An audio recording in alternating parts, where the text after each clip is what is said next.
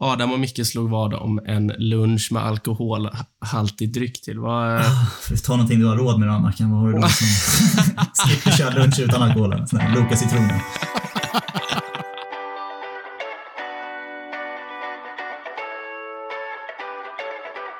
Can Manchester United score? They always score.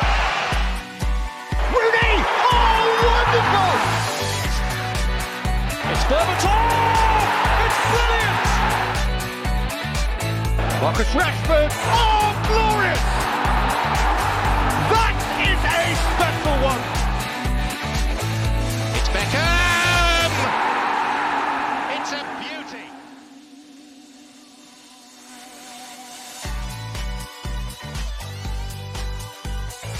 Känn er sådär asvarmt välkomna till säsongens tredje avsnitt av United-podden. Podcasten som du inte visste att du längtade efter. United-podden görs i ett stolt samarbete med både den officiella supporterklubben MUS och United-redaktionen på Svenska fans. Herregud så gött det är att vara tillbaka med säsongens tredje avsnitt. Det vankas premiärhelg och därför släpper vi endast den här veckans avsnitt på en fredag istället för vad som ska vara det sedvanliga med onsdagar. Gustav är här, Mackan är här, Micke är här och ja, jag, Adam, är, tro det eller ej, också här. Det finns så mycket spännande att höra om från veckan som har gått, men jag tror banne mig att det mest intressanta är att Gustav har tagit sig hela vägen till Svea rike. Varmt välkommen över vattnet. Otroligt. Va? Få vara hemma. Man, man blir insläppt i passkontrollen. Jag är lika, lika förvånad varje gång alltså, att de fortsätter släppa in mig. Men, det, men här trivs jag. Här trivs jag. Varför menar du att de inte skulle släppa in dig då? Nej, jag, vet, inte, jag vill inte gå in på det. Jag kan inte, kan inte ha det podd, podd, poddinspelat. Så vi släpper den. Den där klipper du bort i postproduktionen sen. Alltså. Men, det är, men det är lika kul att vara här ändå. Adam. Det är det. Ja, kul att någon känner att det är kul att du är här då. Mhm. Micke, vad tar du med dig från eh, den galna genrepshelgen med dubbla matcher som ingen fattar riktigt varför vi spelade? Nej, ingen fattar någonting, men jag skiter i vilket. Jag är så jävla taggad på säsongen nu, så jag måste säga att jag aldrig varit så taggad någonsin inför någon säsong. Va? Det är så gött att du bidrar med lite känslor. Det, det, det behövs. Och det är som att du gav en alltså, ett plus-analys på helgen, så får väl Mackan komma den istället. Vad tar du med dig från genrepshelgen? Eh, att eh, Atletico Madrid är lika stora grisar ur säsong som under säsong. Det, det var det som fastnade. De är så konsekventa. Det gillar jag på något sätt. Ja, men de är så jävla unlikable alltså. Ja. Det är gött att ta en träningsmatch i Oslo som en jävla Champions League-semifinal. Ja. Alltså det finns ju något fint i det, men fan Jag har vad... full respekt för det. Alltså. Men de är riktiga äckel alltså. Riktiga Ja, äckel. Men det var en ganska bra, var inte det bra genrep tänker ni? Att få, få möta lite äckellag här innan, innan vi drar igång. Jo, men se, det är bara att titta i ögonen på den här jävla dåren som tränar det laget. Alltså, jag har avskytt honom ända sedan eh, han fick Beckham utvisad. 98. Ja, förstås. Alltså det, det är sånt avgrundsdjup. Han står ju och alltså ögonen håller på att trilla ur eh, huvudet på honom. Står bara och ropar ut olika direktiv. Eh, döda nummer sju. Eh, slakta nummer tre. Och så, och så har han liksom jag vet inte, han har en armé av likadana spelare som, eh, som avskyr människor generellt. Eller vad? Nej, men jag vet inte. Det är väl Griezmann som är den enda snälla spelaren i hela det laget. Eh, och han, han gör inte fluga för det. Wow, Joao Felix gillar man ju också, Ja, faktiskt. han är ja, mjuk och fin. Felix är likeable alltså. Det är han. Han har tackat nej till United. Annars, eh, annars det jag tog med mig var ju, eh, var ju att Bebe inte fick sin testimonial. Tråkigt. Helt obegripligt. Vilket jävla bakslag. Ja. Ja, det var... Eh, jag blev lite ledsen faktiskt. hade man ju sett. Antiklimax. Har vi, någon, har vi någon uppföljning på det eller? Var, han var inte ens med på bänken, Baby. Han är inte med i truppen. Mm. Finns han överhuvudtaget? Eller är han bara en, är han bara en illusion, Baby? Det är sådana filosofiska frågor vi diskuterar här på den. Finns BB? Det är egentligen det enda vi diskuterar i den här podden. Finns BB. Ja, men Gustav, BB. vad säger du då? Vi fick se några minuter av både Eriksen och eh, Lisandro Martinez. Ja, nej men kanske mer, mer intryck av Eriksen, men det kändes väl inte så jätte, jätteöverraskande. Att han, har ju, han har ju en bra inspelsfot. Det känns ju som att det kan bli lite, lite assist från en god Eriksson, så det, det kommer att bli bra. Lisandro kände jag väl att jag inte fick så jättemycket grepp om, men jag tycker att vi hade två eh, lite större grepp. Jag tyckte ändå att det var två ganska bra matcher. Den andra kan man väl inte läsa, eller vad- i Kanada kan man inte läsa in så mycket. Men jag tycker vi gjorde en ganska bra match mot, mot Atletico Madrid. Tycker att det skapar en del chanser, en hel del halvlägen. Hade, borde väl ha satt en tre kanske, känns det som. Om inte Harry Maguire och Elanga och Pelistri hade någon läge. Det fanns, fanns ju gott om läge. Så äh, jag, jag fick med mig positiv mersmak efter, efter den hopplösa helgen med två matcher på rakt efter varandra. Visst, samtidigt som det är så, så blottar det ju också vilken tunn trupp vi har. Sancho missade de här två matcherna för att han har någon form av problem. Jag minns inte om han var sjuk eller skadad, men det kvittar. Det var någon mindre problem i alla fall. Och helt plötsligt så mm, har vi jätteproblem med att få in bollen i nät. Liksom, vi har ett mål på 180 minuter och det är en målvaktsretur som är eh, som går att kritisera lite grann kanske. Ja, med en spelare som ska på utlåning här snart Ja, säkert. Men det, är, kanonskott. men det är väl... Vad sa du Micke? Kanonskott var det ju. Fina Telles avslutar på topp. Så är det faktiskt. Telles, vår, vår Mm. nya schweiziska armékniv, alltså, kan, kan, kan göra allting den där spelaren. Fin, finns han, Telles? Alltså. Finns Alex Telles? Tyvärr, tyvärr. Ja, det kan vi bekräfta här nu. Det slår United-podden fast. Alex Telles finns. Ja, han finns. Inledning. Så är det. Ja, jag tänker att vi ska köra vidare där. Vi har ju så jävla mycket att greppa tag i idag i detta, vad ska vi kalla det, inför säsongen avsnitt. Vi ska dela ut fyra stycken segment var. Det blir lite annorlunda än vanliga avsnitt än detta. Fyra segment var som sagt och eh, vi hoppar rakt in i veckans första.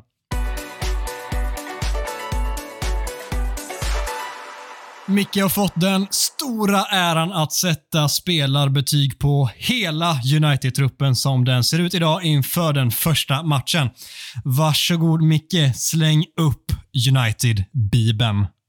Ja, tack så mycket Adam. Nej, men, eh, med tanke på den jävsituation som vi ändå befinner oss här i på eh, United-poddredaktionen med ett par konkurrerande eh, medarbetare, eller konkurrerande ska jag inte säga, de är konkurrerande till den ja, den tidning som jag eh, använder som lite motvikt här i det här segmentet. Eh, eh kära, kära Sportbladet. Eh, och eh, Det finns starka misstankar här när man öppnar den så kallade Premier League-bibeln att vår senaste gäst i United-podden, Frida Fagerlund, ligger bakom, ja, vad säger du Gustav, 67,13 procent av eh, alla betyg i den här bibeln. Vad, vad skulle du uppskatta? Är det nära sanningen? Ja, det låter nära sanningen alltså. Ge mig mer. Jag vill höra, jag vill höra mer om det här Micke. Vad har du för, vad har du för konspirationsteori här? Det har jag inte alls, utan mer än att eh, man brukar alltid liksom, hur fan kan jag sätta en trea på den? Brukar man alltid invända i sin, i sin ensamhet. Och, eh, det är lite så, sen mejlar man in det till, eh, Mackan har ju berättat om det flera gånger, att han brukar få sådana mejl när han har, har rapporterat något eh, namn fel eller sagt red eye offside som inte finns längre, på tal om saker som inte finns. Det, det är så jävla gött att du imiterar en göteborgare också när du, när du drar den. Det, det finns något väldigt bra i det. Ja, nej men eh, så det, det, det här kommer inte handla om eh, nu ska jag rätta Sportbladet och Frida Fagerlund, utan det är bara se det som en alternativ betygssättning. Men märk väl, eh, eftersom min fantasi är som den är så kommer jag använda mig av exakt samma betygsskala som just Sportbladet använder sig av, nämligen plus och eh, skalan är 1 till 5. Eh, och eh, Vi får väl se om det blir några avvikelser och framförallt är jag jäkligt nyfiken på vad ni tycker om eh, min betygssättning. Med det sagt, är ni redo? Ja. Så Ah. Extremt redo. Åk bara, åk bara. Det har ni aldrig hört förut. Liksom. Nu jävlar, vilka förväntningar.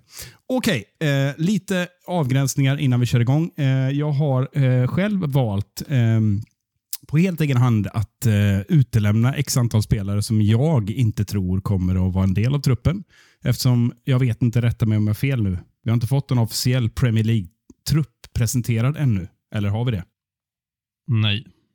Nej, och då med det sagt så, så gör jag precis vad fan jag vill här. Eh, sen, sen kan det bli Som eh, vanligt då, Micke.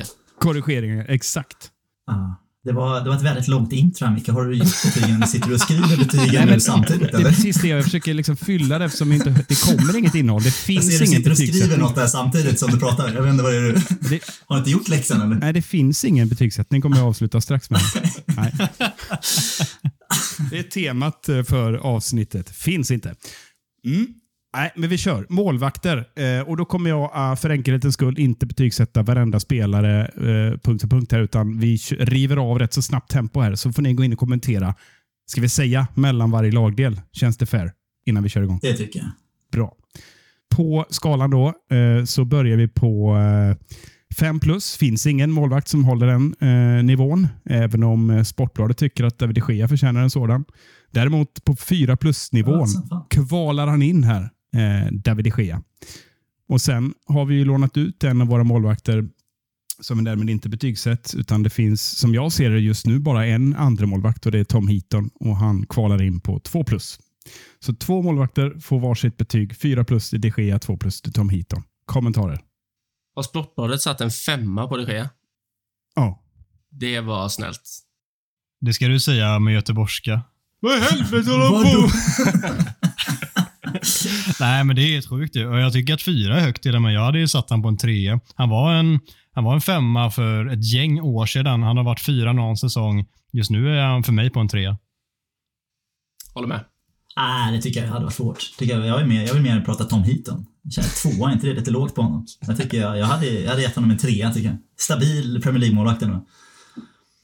Ja, fast han har inte spelat en match Nej. på typ två år. Men eh, Jag tyckte han var en av ljusglimtarna mot Rayo Vallecano. Tyckte han, eh, tyckte han var bra. Ja, han fick, ja, han fick, garvar. Jag tyckte han var, jag tyckte han var bra faktiskt. Han till, till och med när vi mot släppte in Rayo mål gjorde han det bra. han fick börja tufft. Och Sen eh, höll han en eh, hysteriskt lång intervju efter matchen eh, som bara handlade om Lisandro Martinez. Helt sjukt var det. Fick svara på 16 frågor om bara honom. ja, det gillar man ju. Så kan det vara. Ja, nej, men gå vidare Micke. Jag går vidare och då kommer vi till backar och eh, då kan vi säga så här. På 5 plus-nivån kommer ingenting. På 4 plus-nivån kommer ingenting. Utan det är först på 3 plus-nivån jag inleder min betygssättning och då rapar vi upp x antal namn här.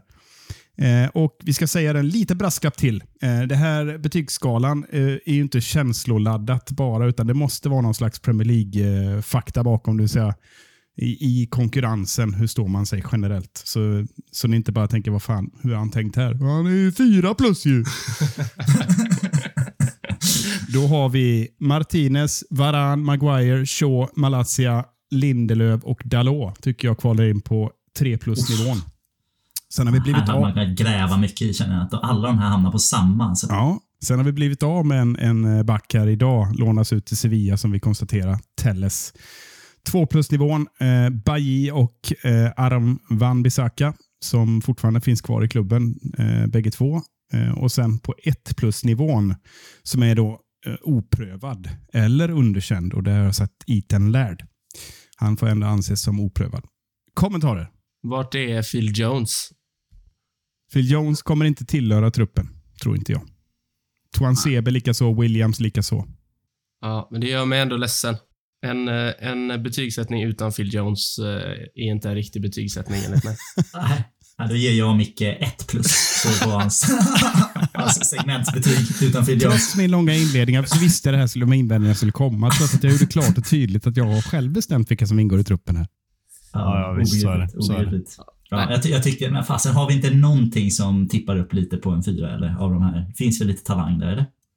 Alltså Varan med typ 200 Champions League-titlar, ett VM-guld och sådär. Jag fattar att förra säsongen så här, nej, det var inte 4 plus. Men om det sker är 4 plus på gamla meriter, då är fan med Varan 4 plus på gamla meriter också. Ska sägas att Varan Ja. hade fyra plus här i Sportbladet som enda eh, back. Ja. Ja. Ja, men jag Frida har ju koll på läget där. hade kunnat tänka mig att hålla med dig alltså. Mer hoppa, ge mig tre, ge mig tre plus namnen igen där. Det var sju spelare typ. Ja, det är alla utom Bailly, Wabisaka och Laird. Ja, Det känns ju som att det ändå är något jävla stort gap mellan eh, Lindelöf, eh, Varan och Maguire. Att de hamnar, på något sätt känns som att det är ganska stor skillnad mellan dem på något sätt. Mhm. Ja, jag, tycker att Varann ska upp också. Sen, sen tycker jag att du har eh, rätt i de andra faktiskt.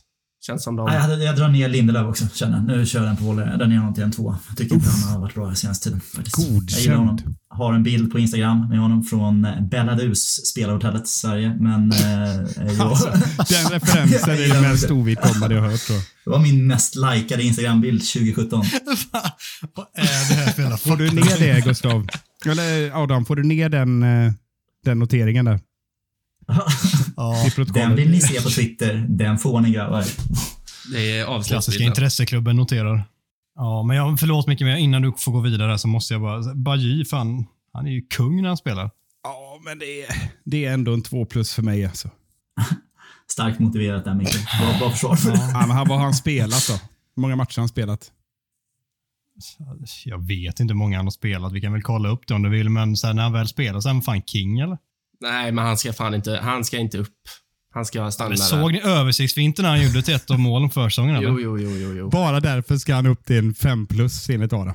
Det räcker gott och Ja. väl. Ja, vi gillar vi. Ja. Nej, jag älskar ju är därför. Men jag, jag kan köpa på stora hela, men du har ju såklart vissa fel som alltid. Det visste jag att du skulle tycka. Kör mittfältet då. Mittfält på 5 plus-nivån kommer jag få mothugg här, men jag tycker att Bruno Fernandes håller den eh, nivån. Världsklass. Eh, helt klart. Ska jag dra statistik eller? Ni vet statistiken. Jag hoppar över den. På 4 plus-nivån, Christian Eriksen och Fred. Det är en liten skräll. På 3 plus-nivån, McTominay. På 2 plus-nivån, Donny och Garner. Garner kan stiga lite under säsongen, men än så länge oprövad Premier League. Och på 1 plus-nivån för Mackans skull här, hans älsklingar är med här. Hannibal och eh, Zidane Iqbal. De är än så länge oprövade, men jag tror de kommer tillhöra truppen. Skjut ner mig. Ja, här, här är jag beredd att nästan hålla med 100% tror jag faktiskt. Ja, jag är fan nära också. Ja, jag, är, Här jag är, är med här är du dig. stark Micke. Ja, här är vi med dig tror jag faktiskt. Ja, ja, jag vet inte fan om jag tycker att Bruno är en femma just nu. Sen vet ni hur mycket jag har skyddat och liksom backat upp honom eh, under förra säsongen, om inte, eh, inte minst. Men ja, ja, han är så här typiskt fyra och en halv kanske, så jag fattar att du pillar upp han till en femma. Det är mysigt. I United-podden avrundar vi alltid uppåt, tycker jag. Det är så gammalt. Ja, och Ja, värt, att det nämna, var starkt faktiskt. värt att nämna där så har Frida satt en, eller vem det nu är ni har det, satt en fyra på Bruno. Och eh, det tycker jag är lite, lite snålt. Tänker att Fred inte fick en fyra av Frida. Nej, tre. Ja, precis. Men kan du motivera Fred då? För den, eh, den tror jag många reagerar på. Jag, jag eh, har ju, eh, tycker jag, förhållit mig ganska neutral till Fred. Eh, och Jag tycker han har vuxit ut till en jätte och otroligt viktig för eh, nuvarande trupp, skulle jag säga, när vi inte har åtgärdat eh, utöver på centralt mittfält. Så jag tycker Fred har eh, visat eh, både förra säsongen under, under riktigt usla förutsättningar och även framförallt på försäsongen har varit bäst eh, tillsammans med Sancho och eh, och Martial. Eh, frågan är om han inte har varit jämnast av allihopa. Så för mig är han en nyckelspelare i år och jag tycker hans nivå har skruvats uppåt mest hela tiden och är ju ordinarie i Brasiliens landslag ska sägas också. Fan vad, vad glad jag blev när du räknade upp eh, honom som fyra och kom med den här motiveringen. Jag älskar fan Fred. Det, är- det är nog bara för att han som person så här, bara gör mig glad att titta på. Men jag håller med dig mycket du säger också. Han kommer vara extremt viktig och han är sjukt nog väldigt underskattad. Sen tror jag att många där ute kommer sitta, vad fan, fyra på Fred. Lugna er. Han har gjort en bra försäsong och eh, liksom var rätt okej i ett dåligt lag. Det tror jag många kommer tycka och det, jag köper de tankarna. Men då säger jag bara watch this space och så ser vi hur jävla kung han kommer vara den här säsongen. Ja, jag måste bara säga någonting mer om Fred. Eh, ni vet ju att eh, ja, all, vi är överens här. Vi avskyr ju i stort sett allt content som kommer ut från Uniteds egna kanaler. Men de kör ju lite sådana här sköna grejer eh, nu, att det är en spelare som får ta över och köra lite, vara lite report, flygande reporter, någonting på ett flygplan eller i ett omklädningsrum eller vad det nu är. Hur som helst, jag tror det var Bruno Fernandes som sprang omkring eh, på ett flygplan eller en buss och så gick han fram till Fred och så pekade han på hans högerfot. Vilket jävla mål det gjorde. Hur fan gick det till? Du kan ju knappt gå på bussen. Eh, det är det enda du klarar av, att gå på bussen med din högerfot. Det tycker jag var förbannat kul och Fred bara asgarvar och säger I only do fantastic goals på sitt oefterhärmliga sätt. Hans engelska är inte 4 plus, men allt annat med Fred är ändå 4 plus. Ja, det var härligt. Det, det är starkt Men content. Mackan, vad, vad, vad tycker du om hans frisyr då Mackan? Den är väl fem plus nu Ah, som en minst 5 plus. Fan vad jag älskar honom. Han blir en mycket bättre fotbollsspelare med den frisyren också. Bara ser, han, nu ser han verkligen ut som en brasiliansk landslagsman som är given i landslaget. Han är, är så... Ah. Klass är det. Klass. Alltså han får ju locka, det är så här, de här lockarna som går, eh, växer det bak och liksom lutar lite framåt. så Skönt mottyngd. Så. Ja, det är så gött. Han får ju byta namn till Fredinho nu eller någonting. Så att, eh,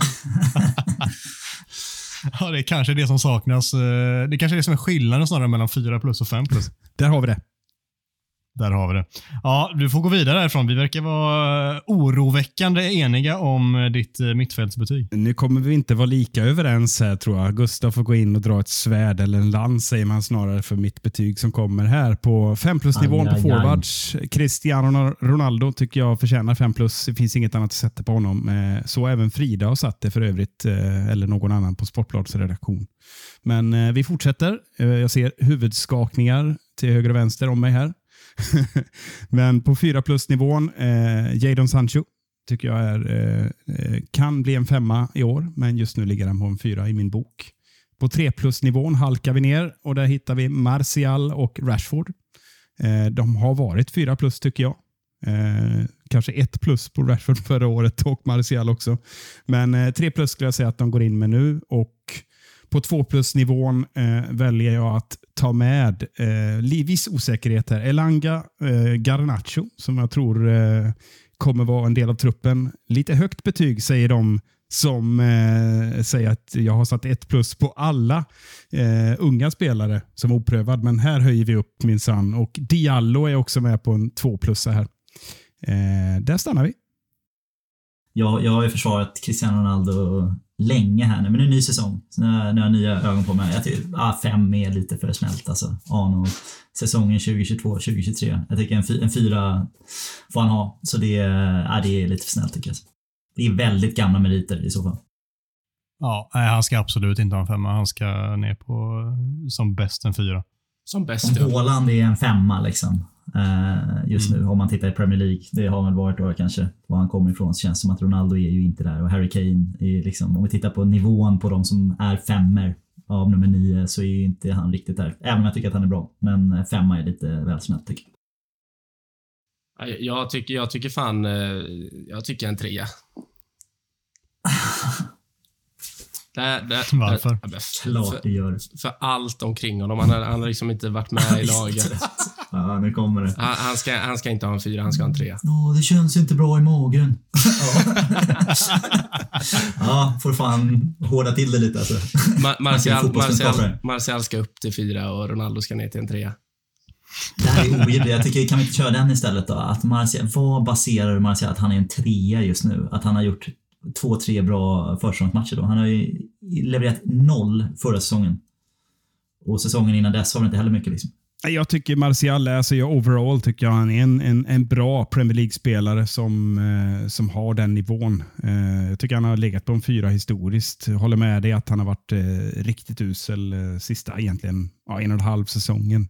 Men eh, Har han varit en fyra, som menar Fyra Ja, det- av fem det i, i sin karriär. det tycker tycker jag. du? Absolut. Ni tycker det? Ja, Varför ja. lånar vi ut honom? Varför byggde vi inte? 1920 1920 Om- säsongen var han ju, alltså när han gjorde, vad gjorde han, typ 28 poäng under en säsong. Då är det som anfallare. Det är enda gången han har fått spela central anfall, tycker jag då är han en fyra.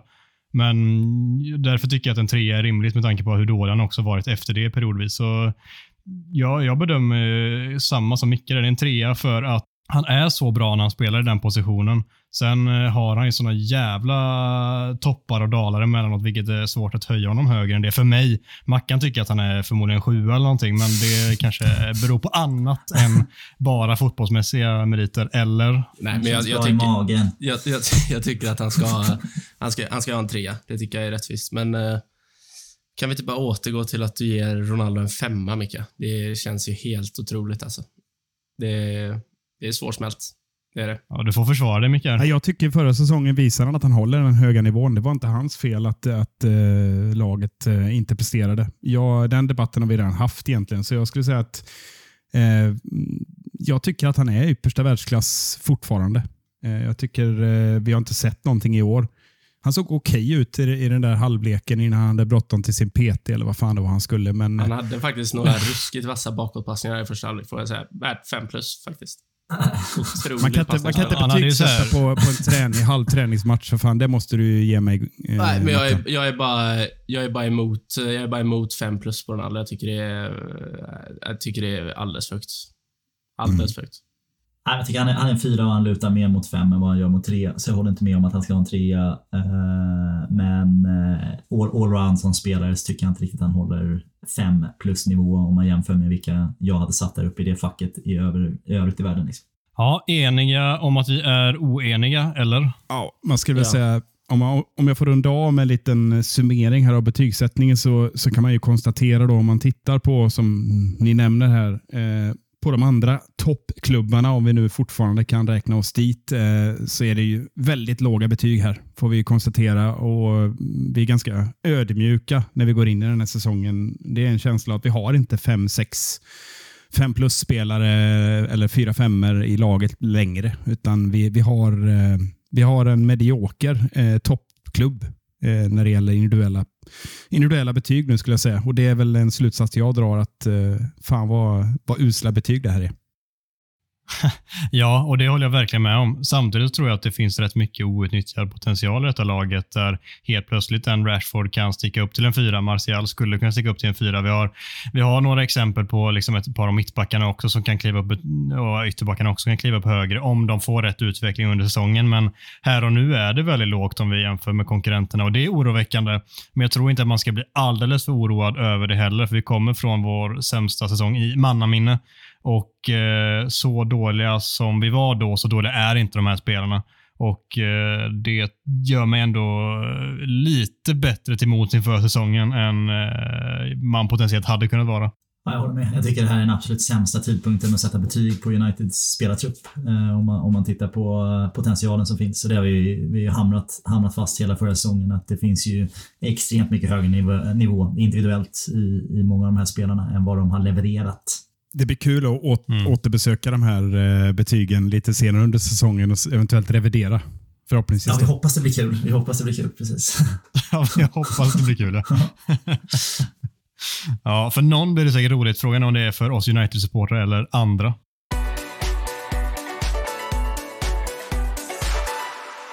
Segment nummer två heter Mackans topp fem hatgrejer inför säsongen. Ja. För ovanlighetens skull ska jag få vara lite arg här då. Det är härligt. Det är härligt. Hatgrejer också. Ja.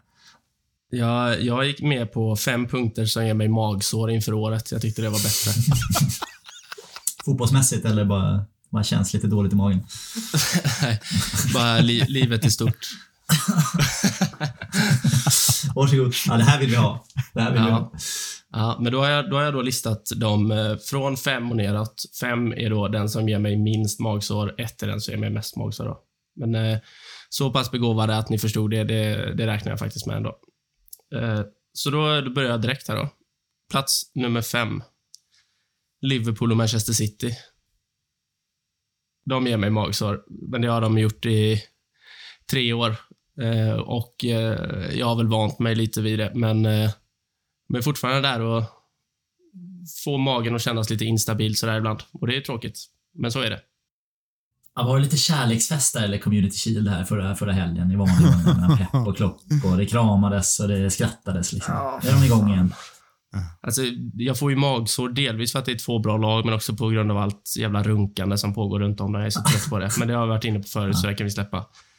Ja. Eh, Men de är på femte plats i alla fall, för de är ändå Liverpool och City. De är ju skit. Får jag bara säga någon, någonting mer där. Det känns som att eh, City-hatet hos mig har ju liksom fördubblats sen eh, Haaland kom in. Det kan ju vara den äckligaste spelaren på väldigt, väldigt länge. Oh, otroligt stor, stor jättebebis och äcklig bara. Usch. Alltså, mobbar-aura deluxe alltså. Ja, det är få spelare jag liksom önskar misslyckas så mycket som Haaland. Liksom.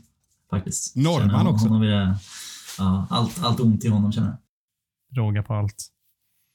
Nej, bra man kanske nästa. Ja, ja. Sen, sen går vi in på vår kärklubb då. Fyra, fyra saker som gör mig lite, lite orolig i magen här. Vi börjar med nummer fyra. Eh, ja, men det, det här är ju kanske att sparka in en öppen dörr, men att vi inte har sålt fler spelare. Det, är- det är för mig ofattbart. Eh, för att vi har så mycket Vi har så mycket dåliga brädor, eller hur det var Micke benämnde det som förra året här. Det är så många ruttna brädor som ligger i, i grunden och bara ligger där och väntar på att skeppas bort. Men eh, det är vi inte så bra på, uppenbarligen. Så jag, jag tycker... Vilka vill du sälja då? Ja, men vi har väl många kvar. Alltså, det är, Phil Jones ska ju bort. Han fick inte ens vara med i truppen här enligt, enligt Micke. Nej, stackarn. Nu är jag ännu hårdare mot honom här. Men han ska, Ja. han ska ju bort. Liksom. Släpp honom gratis. Det vore bra för alla parter. Det här måste vi invända mot. Nyss så eh, var ju betygssättningen inte ens giltig utan Phil Jones. Och nu sen Men ska han är ju fortfarande, han är ju fortfarande i vår trupp. Hur fan ska du ha det? Va? Ja, okej, vi går vidare. Phil Jones, Erik Bajy sa jag, de ska bort. Telles är på väg bort, bra. Eh, Wan-Bissaka ska bort. Eh, jag tycker att eh, Mickes fem plussare där uppe ska bort. Eh, så där, är, där någonstans är vi kanske.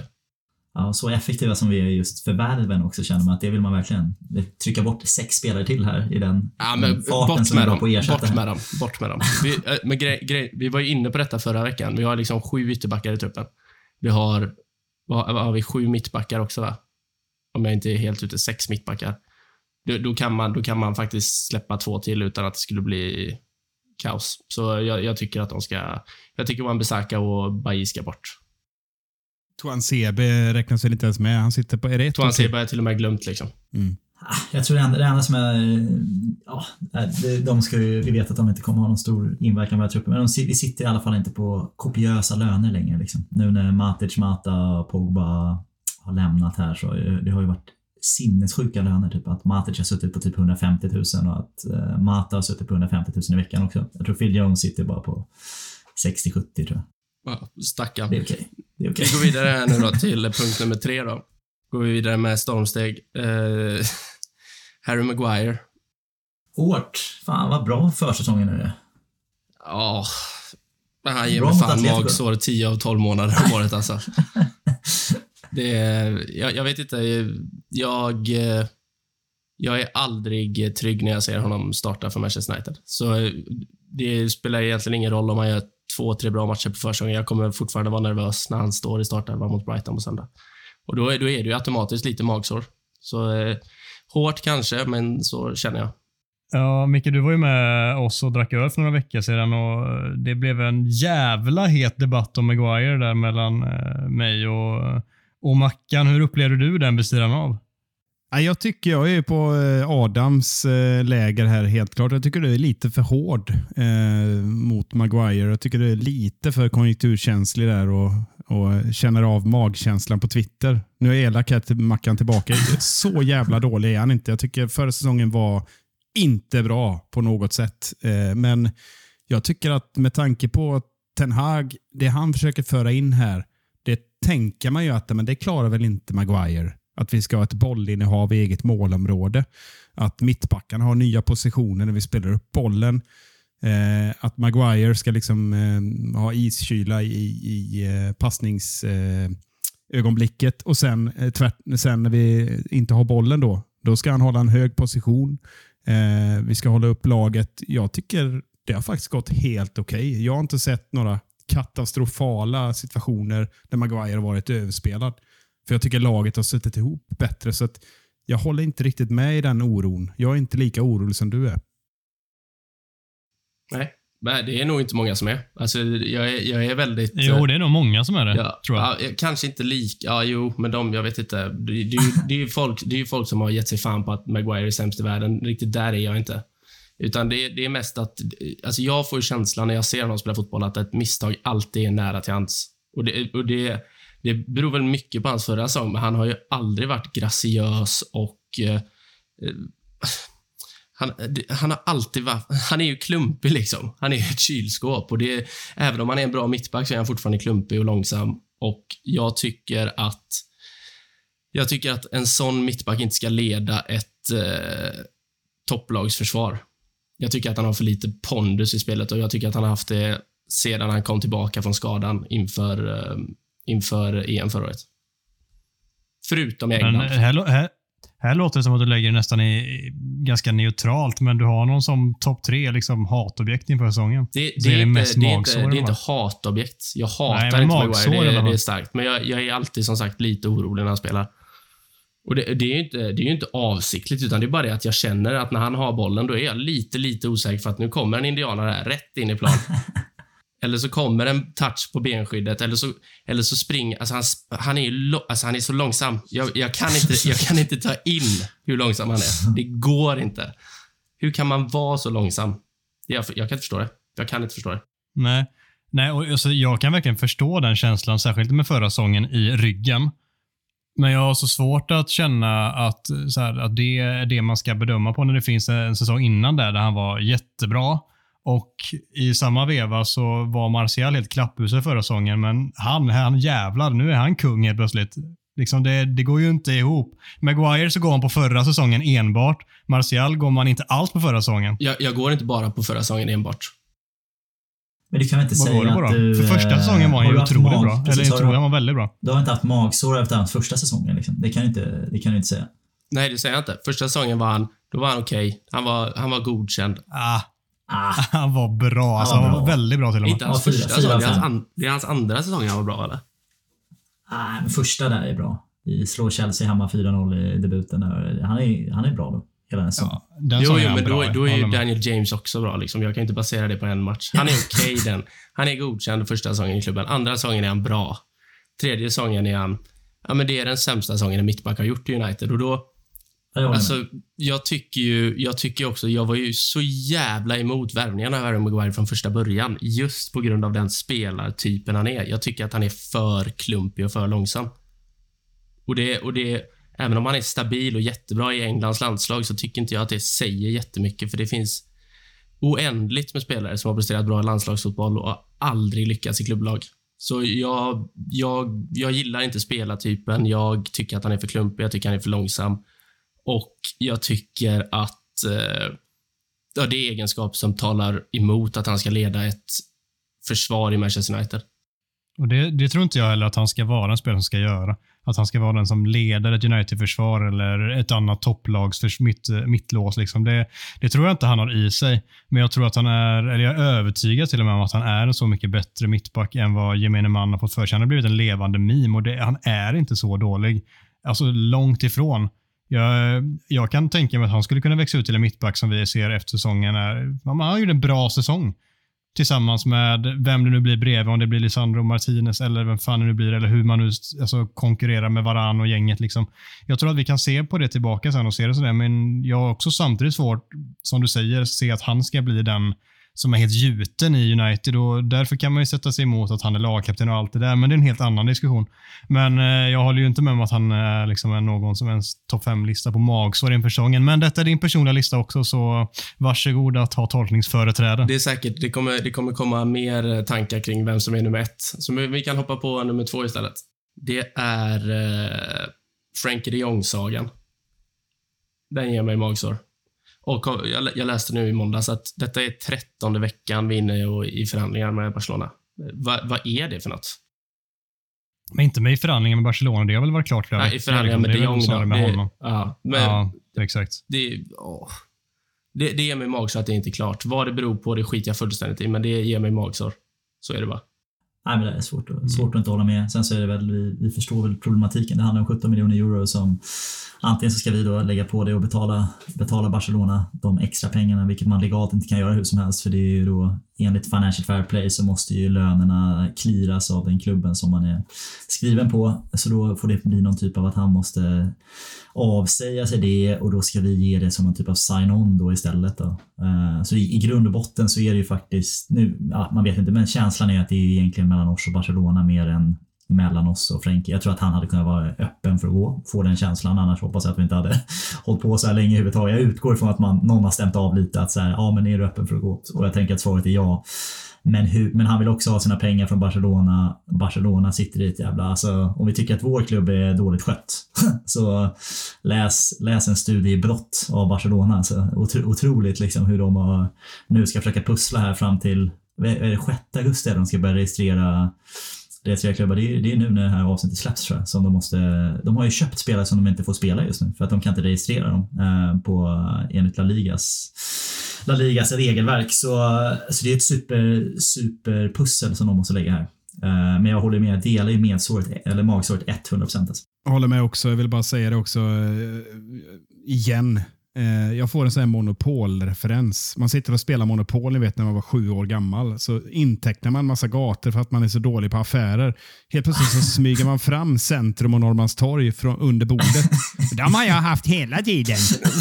Det är lite samma hjärndöda liksom, grej här. Ja, det är bra. Ja, Ja, det kan en otrolig mycket. Det är kul. Ja, nej, men de, de ska ju också ha sig en, eh, en jävla såg, men eh, det är väl, det är väl hela...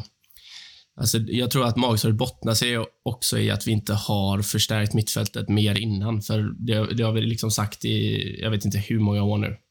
Sex år att vi behöver förstärka det defensiva mittfältet. Och det, vi har fortfarande inte förstärkt det defensiva mittfältet.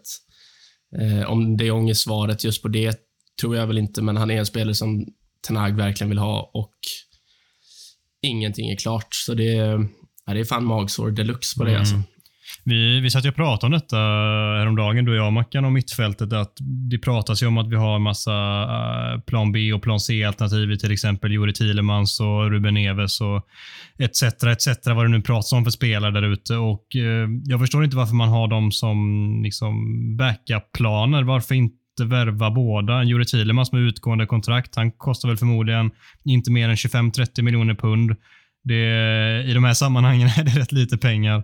Och Vi vet vilka problem vi har på mittfältet, så varför inte värva båda? Varför sätta sig i den här sitsen där det helt plötsligt är helt avgörande att vi faktiskt får lös med Frenkie de Jong i slutändan, vilket det känns som att det mer och mer barkar åt. Det är det som jag stör mig mycket på. Annars så förstår jag hela problematiken och eh, tycker att det på något sätt är rimligt sättet som United agerar än så länge av det vi vet. Men eh, det är ju oroväckande det som också potentiellt kan ske där det slutar med att vi inte får någonting alls. Sitter med det här mittfältet, vilket kommer skada säsongen väldigt mycket och utvecklingen av laget kommer ju tas tillbaka ganska långt tidsmässigt. Ja. Jag, vet, jag, kan- jag kan känna, om jag ska försvara Manchester United lite här, så kan jag tycka att det är, vi har väl fönster fram till sista, sista augusti. Min, min grundkänsla är väl att man har vetat att i värsta fall så kommer vi veta typ kring 5-10 augusti om det, om det blir något med Frenkie eller inte. Om, om Barcelona lyckas lösa det pusslet. Och jag utgår ifrån att man har en plan B för två, tre veckor som är ganska snabb att exekvera om det behövs. Om man, om man konstaterar att Frankie inte kommer. Och där kan jag känna ni, ni har väl varit större Frankrike-kramare än vad jag har varit. Jag har inte sett honom så himla mycket i La Liga ska jag vara ärlig med. Jag såg honom med Ajax i den sessionen, som de- Europasessionen de hade. Men om det är en spelare man får i den åldern han har så är det ju liksom en sån amerikansk franchise player. Det är ju han som är liksom, ska leda vårt, hela vårt bygge här i tre, fyra, fem, fem år framöver. Så man kan ju förstå att man kanske vill hålla ut ett par veckor och se om man kan trassla loss den innan man lägger 50 miljoner på två andra mittfältare som är lite halv, lite Schneiderlin och, och Schweinsteiger. Liksom. Jag, jag, tänker mer, jag tänker mer värva Tillemans nu och så fortsätt jobba på de Jong. För det, det är inte så att de kommer ta ut Jag, jag varandra. vet ändå om man har pengarna. Alltså. För då ska, det också, ska också en, eh, en nia värvas. Eh, Jag är inte helt säker på om man har resurserna att trycka ut 150 miljoner pund till den här sommaren. Eh, Jag vet inte. Jag, jag tycker inte... Thielemans tycker inte jag är rätt att gå. Det är för, han är för lik Eriksen. Jag tycker det är samma spelartyp. Det är, han är ingen sexa, tycker inte jag, Thielemans. Jag förstår inte alls den Nej, jämförelsen. nej, abs- Nej, absolut inte. Absolut inte. Ett exempel bara, hypotetiskt, men någon annan spelare. Mm. Ja, jag tror att det är, man får, vi får ge det här. Det är, det är magsår, 100%. Framförallt så luktar det, jag har sagt det tidigare, lite Fabregas-sommaren liksom, när man fick fälla in i slutet där man gått och eh, suktat på ett namn hela tiden och så blev det ingenting. Men jag får hoppas att man inte gör det misstaget här. Utan att man, vi får utvärdera första september då, vad, vi, vad vi har för, för mittfältsklossar. För det, vi, ska ju ändå, vi vet att det här är en säsong som vi inte ska vinna, vinna ligan eller göra några stora prestationer mer än att bygga för framtiden. Och då är det väl vore väl naivt av oss att kanske ha så jävla bråttom och köpa någonting som känns lite halvdant när vi vet vad vi vill ha på 3, 4, 5 års sikt. Så i grund och botten gillar jag att vi, vi går för saker som ska vara bra i, på lång sikt snarare än lösa den här säsongen. Även om det Verkligen, smärtar. verkligen. Verkligen så. Och eh, det låter som att vi alla åtminstone är eniga om att det, hela den här soppan ändå ger oss magsår för att det är ju beklämmande vissa delar av det. Både Barcelona i sig och eh, liksom att det tar sån jävla tid och man inte riktigt vet vad som ska ske. Vi hoppas att United har bättre koll än vad vi har i det här fallet. Nu kommer den. Nummer ett. Är det en eh, trumvirvel, eh, Adam? Cristiano Ronaldo och fansens glömska. Där... eh, Utveckla. Jag, jag, ja, jag tycker väl egentligen att det talar för sig självt. Jag, han beter sig som en 12-årig snorunge som, som inte får det han vill och då, eh, då får man tydligen bete sig hur man vill om man heter Cristiano Ronaldo. Eh, och sen något som stör mig typ ännu mer är att en stor del av Manchester Uniteds supportrar verkar totalt ignorera det och när han gör sitt första mål på Old Trafford den här säsongen så vet vi alla att hans låt kommer sjungas på eh, Old Trafford och det kommer vara Viva Ronaldo hit och det kommer vara Viva Ronaldo dit. När han uppenbarligen inte vill spela för klubben. Jag, jag, pff, jag kan inte förstå det alltså. Jag, jag kan inte förstå det. Och det är... Pff, det är inte ens magsår, det är mig fan magsår, halsbränna, huvudvärk. Jag, jag, vet inte, jag vet inte vad jag ska ta mig för på kroppen. Alltså. Det, det är ont överallt. Hela Så, Ipren-sången där, det är alla. alla är i print, den intelligenta tabletten. Ja, nej, men så är det. Så, eh, och den, den är tvådelad, för det är ju dels eh, Cristiano Ronaldo, men sen, alltså, som jag sa, alltså, jag stör mig nog fan mer på det andra. Alltså. För Jag, jag, kan, jag kan inte förstå hur man tänker som United-supporter. Ledverk, det lindrar. Ja, det var inte så överraskande, Mackan. Det var det inte. Nej, det var ju inte det. det, eh, Men det ska nej, sägas kan, kan ändå. vi dela lite grann. Jag, jag har mer, eh, det här har vi debatterat förut, jag, jag har mer eh, magsår över, över Frenkie än, än Cristiano Ronaldo. Cri- Cristiano Ronaldo ger mig dålig smak i munnen. Frankie ger mig magsår, tror jag. Så det, är- eh, vi, vi sa det förra avsnittet, en, eh, han, han ber om ursäkt här i MUTV innan, eh, innan några matcherna här, gör ett litet ut, uttalande, sen tillbaka, gör lite mål. Eh, så blir det, det, blir, det blir en okej säsong tror jag för Ronaldo, för det vi har konstaterat att det finns ingenstans att gå för honom.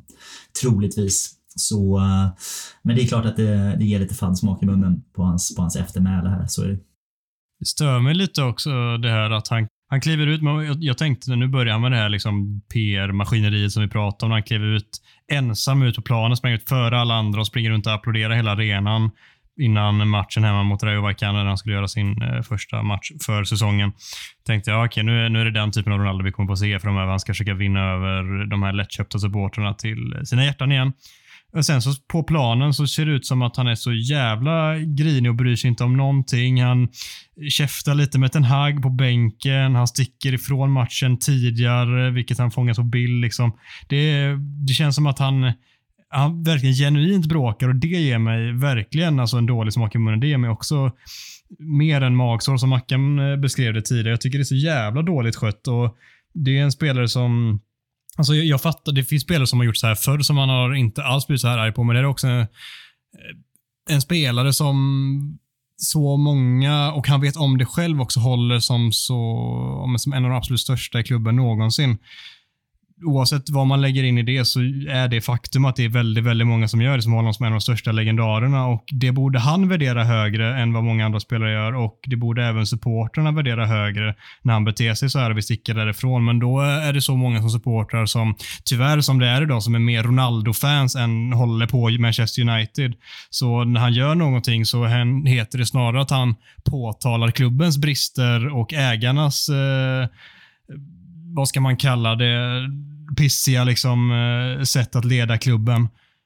Då ska man hitta någon form av vinkel på det, vilket jag bara inte kan förstå. Och så ställer, ställer de sig där och ropar bara. Jag fattar inte hur man kan hata Ronaldo. Jo, det, alltså, det måste man ändå kunna förstå Ah, varför jag, folk jag, har jag, kan svårt nog för ge, Cristiano jag kan nog ge 15 anledningar. Så det, om de, Ja. de som inte kan förstå ring mig. Så eh, det tar två minuter så är, så är ni uppe i 15. Det är lugnt. Nej, men jag, nej, men jag, jag, jag, köper jag, så, honom. samtidigt, sam, ja, jag, jag förstår att man kan ha växt upp på honom som idol och att det är jävligt så här svårt att komma vidare därifrån och att man gärna automatiskt försvarar honom. Jag förstår det. Jag har haft sådana spelare också genom åren. Just Ronaldo är inte sån för mig, så det är såklart lättare för mig att gå igång på alla cylindrar här.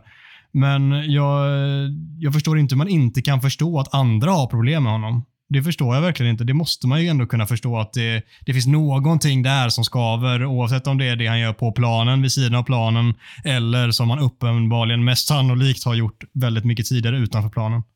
Men alltså, jag får komma in här. Jag, jag förhåller mig ganska neutralt till hela den här cirkusen. Jag köper Mackans eh, magsår. Jag köper att, eh, jag håller med Gustav, det är en fadd smak eh, man får i munnen när han håller på så här. Vi minns den här mobilincidenten förra året också. Han slog väl någon telefon ur handen på någon support eller vad fan det var.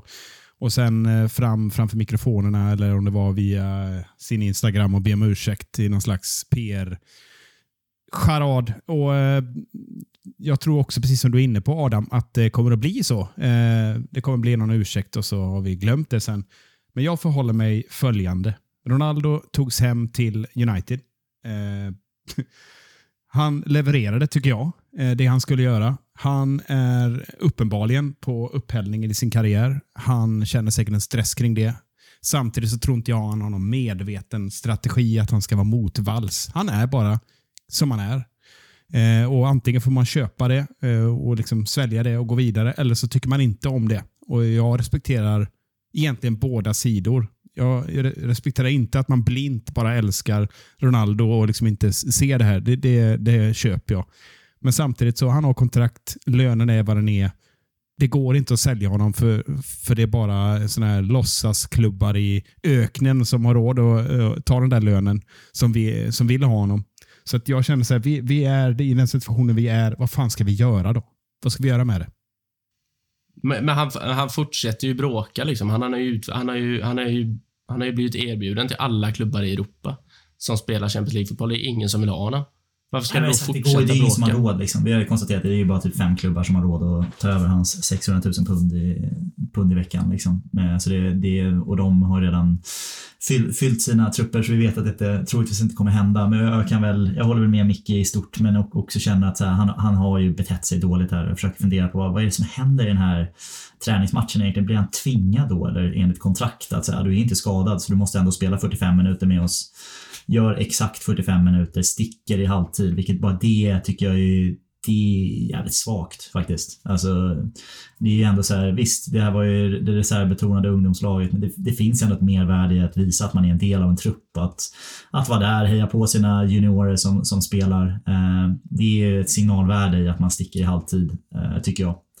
Så jag tycker han, han sköter ju det här väldigt, väldigt dåligt. Det är ingen snack om saken. Men eh, på, på något sätt känner jag, ja, i the grand scheme of things när man tittar tillbaka så det, det går fortfarande att lösa för honom. Eh, eftersom att det bara är en försäsong. Han gjorde allt han skulle fram till sista omgången förra, förra säsongen och första omgången den här säsongen har inte varit den. Och det har varit trassliga... Det är många spelare som har haft trassliga övergångsfönster där man har velat göra något annat och sen så putsat rent sitt, sitt rykte och varit, varit med sen när säsongen kommer och sen när man tittar tillbaka på säsongen så har man typ glömt bort hur det var innan säsongen där. Och jag skulle kunna se att det händer här. Sen så är det ju större diskussioner om vad som har hänt i Las Vegas för 15 år sedan etc. Och det får man väl, det lägger ingen större vikt i. Det får man, det får man själva bestämma vad man, vad man tycker om det och vad man tycker om han som person. Men eh, han har betett sig jättedåligt den här försäsongen, men det går fortfarande att fixa. Eh, så där, där står jag någonstans. Men magsår, det ger det mig.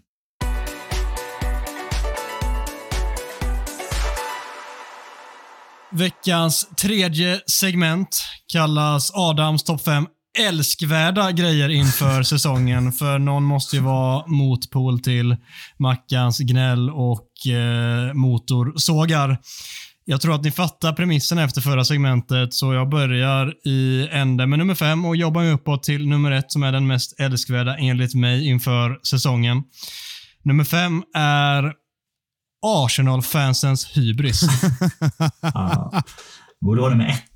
Varje år. Varje Alltså, år. ja, det borde den vara, men jag kan inte sätta någon annan klubb före United på en älskvärd lista. Det är helt omöjligt. Nej, är sant. Så eh, de får femteplatsen här och folk kanske reagerar först. Vadå, vadå älskar? Varför det är älskvärd? Jo, men det är ju det, för det är så gött att se dem när de blir så här taggade på livet och nu, nu kommer det, nu är vi bäst. Vi kommer bli så jävla bra nu. Den här säsongen kommer vara otrolig. Sett oss på försäsongen. Jesus har gjort 100 mål på tre matcher. Världens bästa anfallare, etc. etc. Ni vet hur det låter där ute. Liksom. Och det, det är så jävla fint att se, för man vet att det kommer komma en stor jävla smocka rätt i plytet när som helst. Och det, det längtar man ju bara efter. Det, det är älskvärt om något.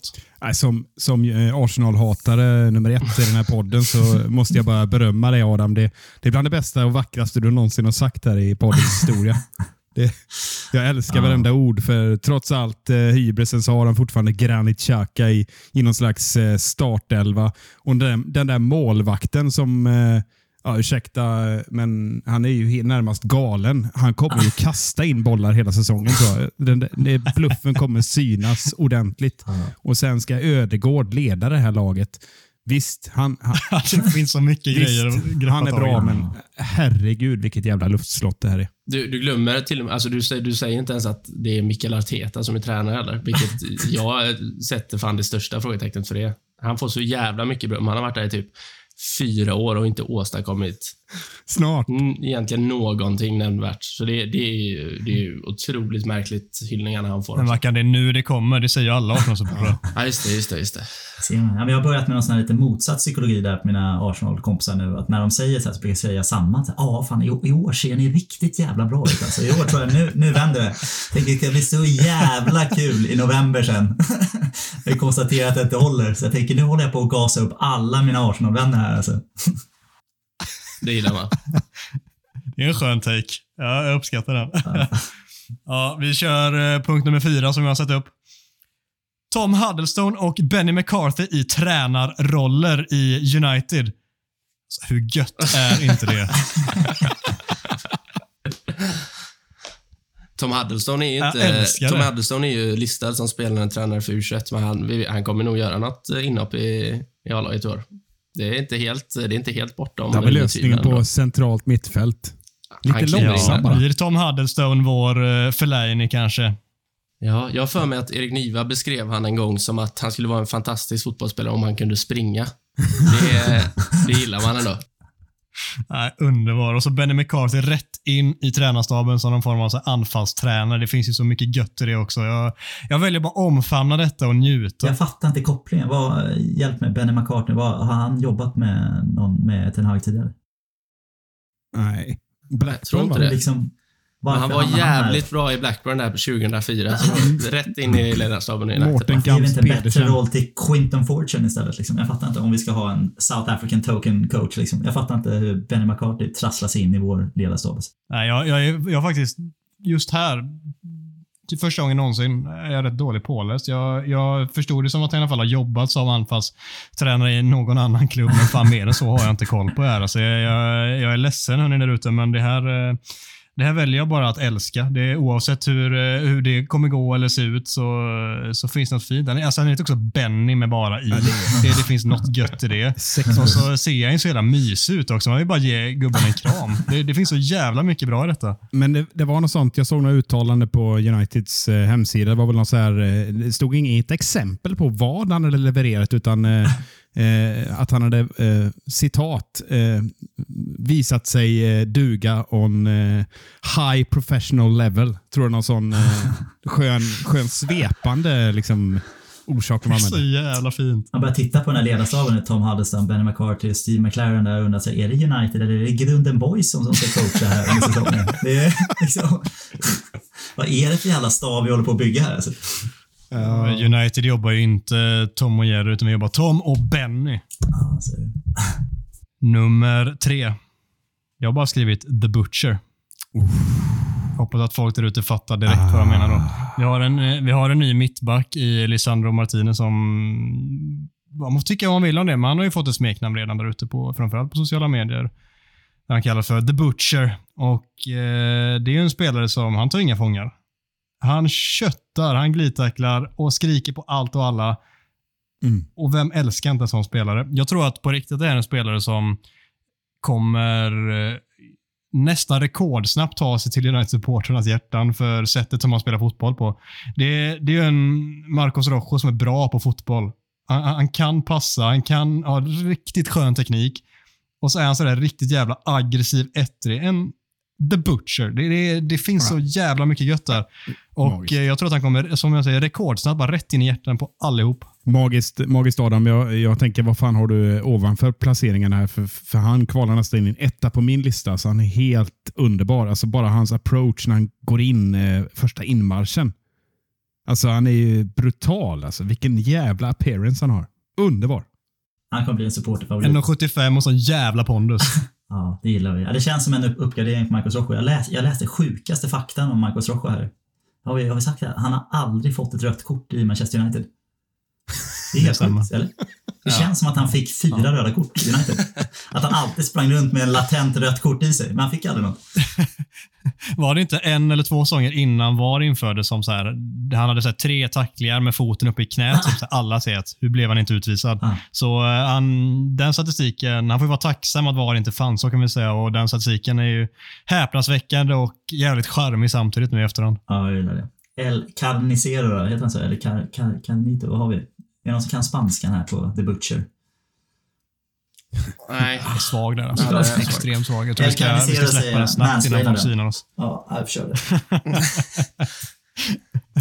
Ja, jag tror att han är också väldigt mycket bättre än Marcos Rojo på att rosta smörgåsar.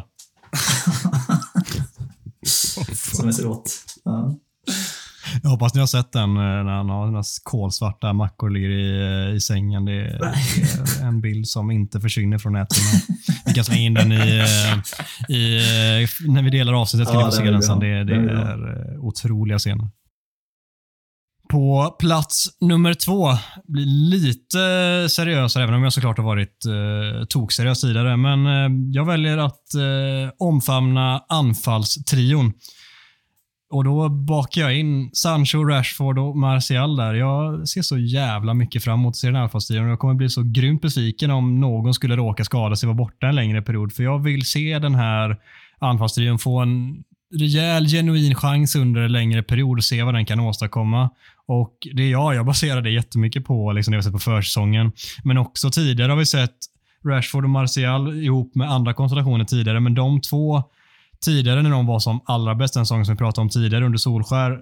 Jag tror att släng in en Sancho där också som antagligen är bäst av alla tre. Det, det kan bli så jävla intressant och det, det får mig på riktigt. Det är bland de sakerna som gör mig mest spänd inför säsongen och se vad, vad de faktiskt kan uträtta ihop. Så låt det bli så att de kan få chansen ihop och låt dem bara flyga sen därifrån. Ja, jag, nu blir jag helt varm i kroppen här när du säger Martial. Bara. Det, det, jag, jag tycker att det är en anfallstrio som ser bra mycket mer spännande ut än, eh, än, än vad vi inledde förra säsongen med, med Cavani och Ronaldo-gänget. Så eh, ja, men ge dem chansen nu, som du säger. Det, det måste vi göra. De, eh, de har också... Alltså Sancho har ändå ganska mycket mål i sig, vilket vi ändå har sett på försäsongen. Han hade någon säsong i Dortmund, men han ändå gör 15-16 mål. Så eh, det, det känns som att vi kan få en bra utspridning på målskyttet när de tre spelar ihop också. Mm, jag är rätt svag för det här också. Alltså, jag gillar ju klassiska nior också, men jag är rätt svag också för att ha en sån här flytande anfallstrio där Martial i perioder kanske glider ut lite mot kanten och så kommer Rashford där och så. Det, det känns som ett anfallsvapen som är jävligt svårhanterligt för motståndarna. Det har ju sett liksom både City och Liverpool varit väldigt, väldigt framgångsrika med i perioder också.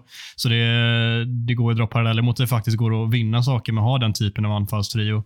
Så det kittlar mig väldigt mycket. Sen låter det som att vi skickar upp det här till, till liksom skyarna och säger att nu vinner vi allt med den här trion. Men det, det gör mig genuint jätte, jättespänd på säsongen att se de här tre.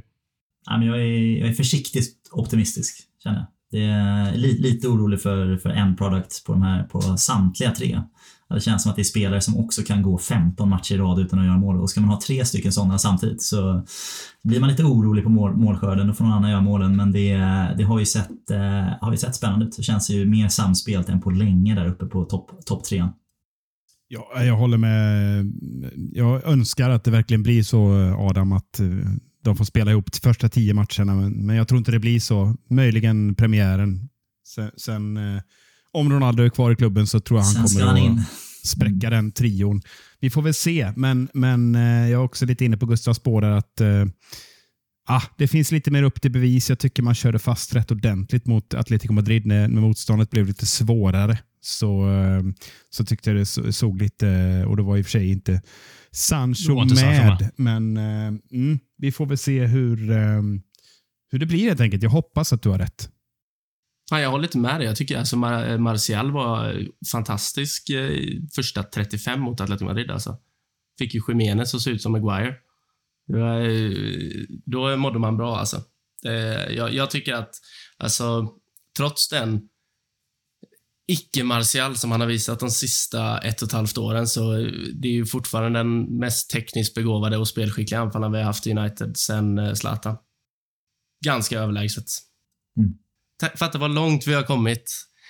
Lukaku spelade i vårt lag för några år sedan. Alltså, det, jag, jag kan inte... Om Ole Gunnar Solskjaer gjorde mycket fel så det är fan det bästa han har gjort i sitt liv, alltså, att skeppa och Lukaku. Det är bara... Sitt liv. bara, bara Han det, har ju en Champions League-final bara. Ja, men det är, som tränare, bästa, bästa han har gjort i sitt tränarliv. Där kan vi, alltså, jag, det, det, gör, det gör mig väldigt glad varje säsong att vi inte har Lukaku i vårt lag. Så, eh, det, det är min bubbla till Adams lista. Gött när Solskär eh, för sina memoarer sen listar så här, topp, sin egen topplista. Så, tvåa avgjorde Champions League, etta när jag skeppade Lukaku. Ja. ja, men det är fint. Ja. På plats nummer ett. Erik Ten Hags no fucks given-attityd. Det, det kom ju i kölvattnet av dagens eh, intervju som eh, kom via, jag tror det var HNL i Holland som eh, rapporterade Via- om det, men det var via Play, holländska Viaplay var det precis, det stämmer. Som har gjort intervju med honom efter matchen här mot Rayo Vallecano där han fick frågan om Först var det väl frågan typ så här, vad, vad säger du om att Ronaldo lämnar i halvtid, då, eller efter halvtid? Och då säger han att eh, det var fler spelare som gjorde det. Och Då frågade reportern, men accepterar du det? Och Då säger han, it is unacceptable. Alltså han är ju stenhård. Så här, nej, och jag ska prata med dem. Så här, så här kan vi inte ha det. Folk ska stanna här, vi är ett lag. Alla ska stanna här tillsammans tills matchen är slut. Är jävligt tydlig där och jag tycker vi har sett det lite tidigare under försäsongen att han är en tränare som är jävligt eh, tydlig och rak med vad han vill och vad han accepterar och inte. Och Jag tror det är så jävla viktigt för oss långsiktigt detta. Att vi har en tränare som är på det här sättet. Det är inte någon som är lite mjuk som Solskär som accepterar det allra, allra mesta och ändå samtidigt inte är grinarg som Mourinho kunde vara, utan faktiskt liksom ha någon form av någon balans i det hela. Han är väldigt tydlig med vad han vill och däremellan, så länge du förhåller dig inom de ramarna, så är han jävligt skön och god och trevlig mot exakt alla. Det, det är den känslan jag får utifrån och jag älskar att se det. Det, det gör mig extremt varm i kroppen att se. Och Vi har ett annat exempel som kommer från försäsongslägret där det har spekulerats vilt i vem, vilken spelare det handlar om. Där en spelare kom sent och han har sagt från första stund att den som kommer sent, det blir konsekvenser direkt. Alla ska vara i tid till samlingar. Och En spelare var inte i tid och fick inte spela under hela försäsongsturnén. Och Det ryktas ju starkt om att det var Alejandro Garnacho. Uh, för han var med men spelade inte en sekund, vilket alla ställt sig frågande till med tanke på hur bra han var förra året, med tanke på vilka andra junisar som har fått chansen och vilken faktiskt uh, bräcklig offensiv uh, linje vi har med de spelarna som är där. Så det skulle mycket väl kunna vara honom, men det är inget som är bekräftat. Det ska vi vara tydliga med. Men uh, det, det säger ändå mycket om Ten Hag, att han, oavsett vem spelaren var eller vad det handlar om, så är han jävligt tydlig med vad han vill och förhåller man sig inte till det så blir det tydliga konsekvenser. Jag, tyck, jag var bara fastnad där vid Garnacho där, för eh, jag, jag såg post, eh, postmatchintervjun efter eh, eh, senaste, sista träningsmatchen där mot Vallecano. Och, eh, då fick han ju direkt frågan eh, om utropstecknet i matchen som var Garnacho. Eh, tveklöst. Och han var väldigt kylig i det svaret och han sa något i stil med, jag inte minns exakt, men eh, det ser vi att en spelare eh, måste först och främst förtjäna att spela. Och när han väl spelar och presterar, då kan man få nya chanser. Och Det tycker jag ligger rätt mycket i det, för att han var väldigt, väldigt försiktig med att ösa beröm, vilket man ska vara när det handlar om så unga talanger. Man ska inte liksom höja förväntningarna, men jag- det, var, det stäm, rimmar ju med det ryktet som du kommer med där, Adam. Vad säger ni annars om hans attityd, Gustav?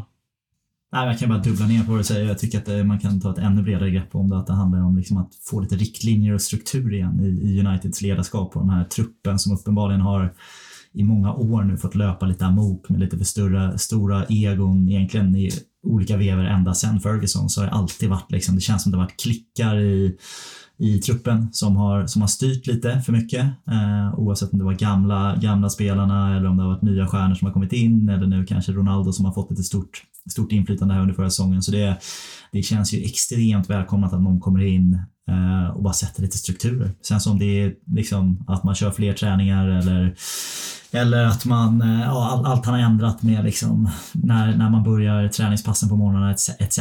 som det ryktas att han har satt strukturer på. Men jag tycker man ser det redan, direkt i spelet. Jag tycker man ska vara försiktig med att dra för stora analyser av, av träningsmatcher, men man ser ju betydligt tydligare riktlinjer i både försvarsspel och anfallsspel än vad man har sett på år. Alltså. Och det är ju det är ingen slump. Utan allt sånt här sitter ihop. Alltså riktlinjer och struktur ska gå igenom hela arbetsprocessen och det ska ytterst ut på planen sen. Så jag är ja, väldigt, väldigt positiv till Erik Ten Hags första tid här som tränare.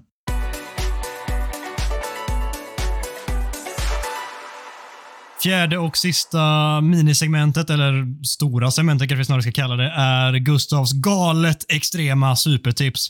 Obs! ej sponsrat, stödlinjen.se och du måste vara minst 18 år för att spela. Public Ja. service, Adam. Ja, man kanske inte skulle kalla det direkt tips, utan det här är väl lite mer, lite mer facit, tänker jag. Eh, För er som inte har tid att se säsongen. Skräll. Så lite spoiler alert här, för er er som inte vill veta hur det går, så håll för nu. eh, För nu, nu, nu kommer facit här. Så här, va, så jag, har, jag har ett par punkter. Vi, vi, vi kör dem rakt av. Vi börjar lite lätt bara då med säsongens match. Vilken blir säsongens match? Jag står mellan två, så det är inte helt lätt här. Så dels så spelar vi ut Arsenal borta 21 januari. Där känner jag, där kommer vi visa var skåpet ska stå. Och om Arsenal har hållit ut så länge fram till januari att folk tror att det här är någon riktig topp 4-kandidat så är det 21 januari, det är då vi spelar ut dem efter noter på bortaplan.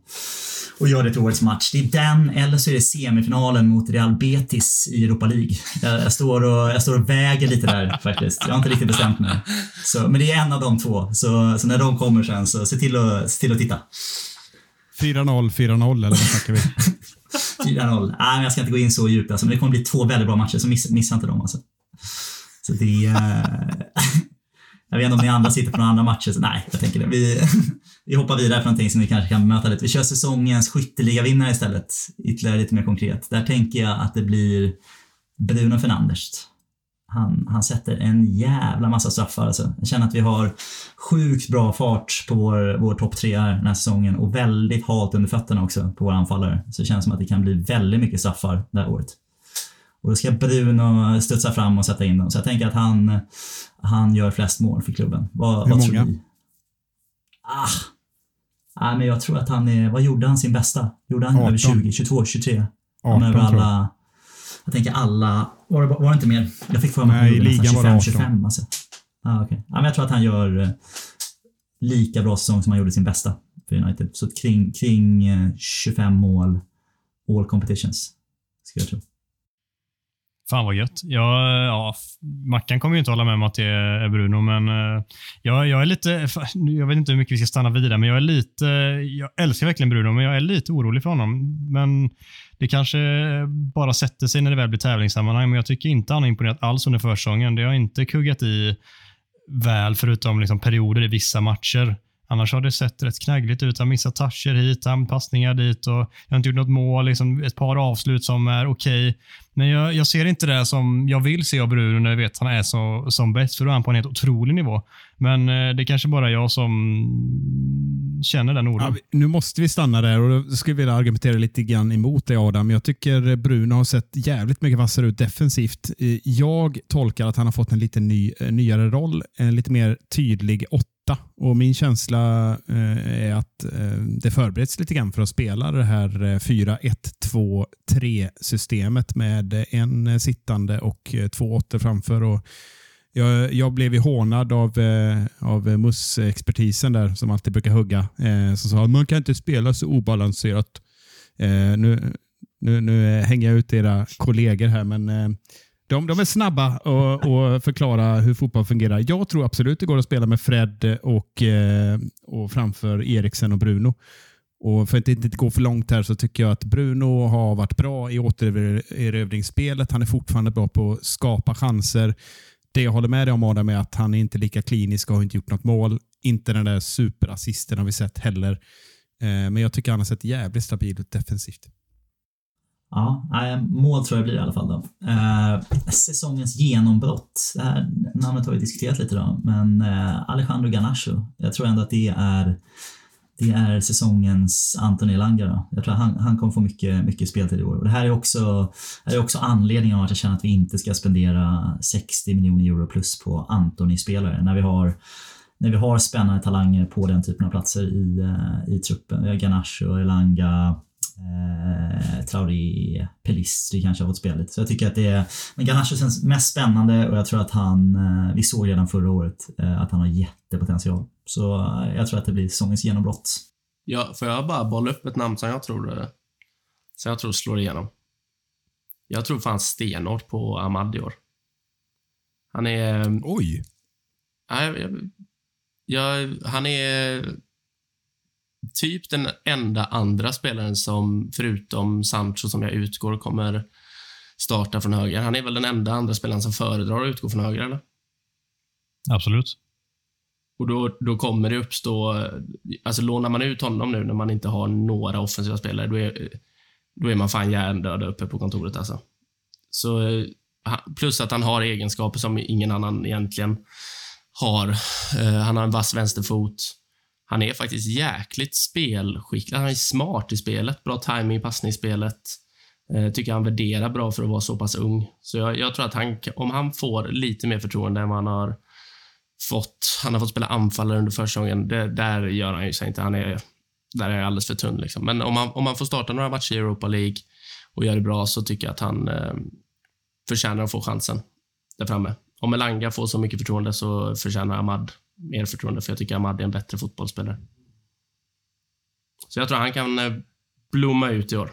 Det där Lex Elanga känner att man kan använda på extremt mycket akademispelare. Så känner varför får han spela så mycket om inte jag får spela så mycket? Det tycker jag man kan säga efter fem, sex spelare som borde få, få dela på den speltiden. Faktiskt. Mm, absolut, absolut. Men Garnacho tycker jag är så, alltså han är hyperintressant och det vi såg det, han spelade, var det, 70 minuter, 65 någonting mot Rayo Vallecano, men han var ju genuint bäst på plan de minuterna. Och återigen, ja, brasklappen försång etc. etc. Men om vi blandar ihop det också med hur bra han var förra säsongen i alla olika ungdomslag han spelade, blev utsedd till eh, årets eh, ungdomsspelare i klubben och eh, jag ser en, alltså det blev Elanga också, det ska vi lägga till, men jag ser en helt annan höjd i Garnacho. Han har det här eh, drivet med bollen, den här, alltså, jag vet inte riktigt hur man ska förklara det, men man ser, ni vet när man ser på en spelare bara att det här är fan klass.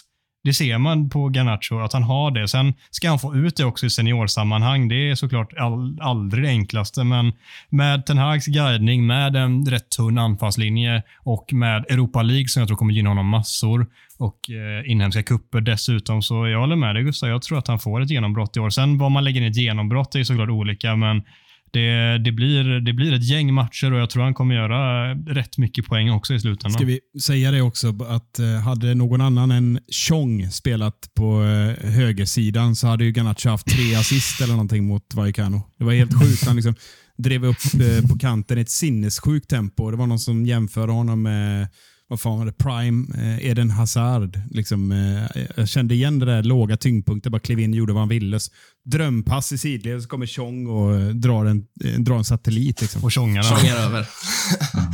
Men också det, varför, varför spela Tjong?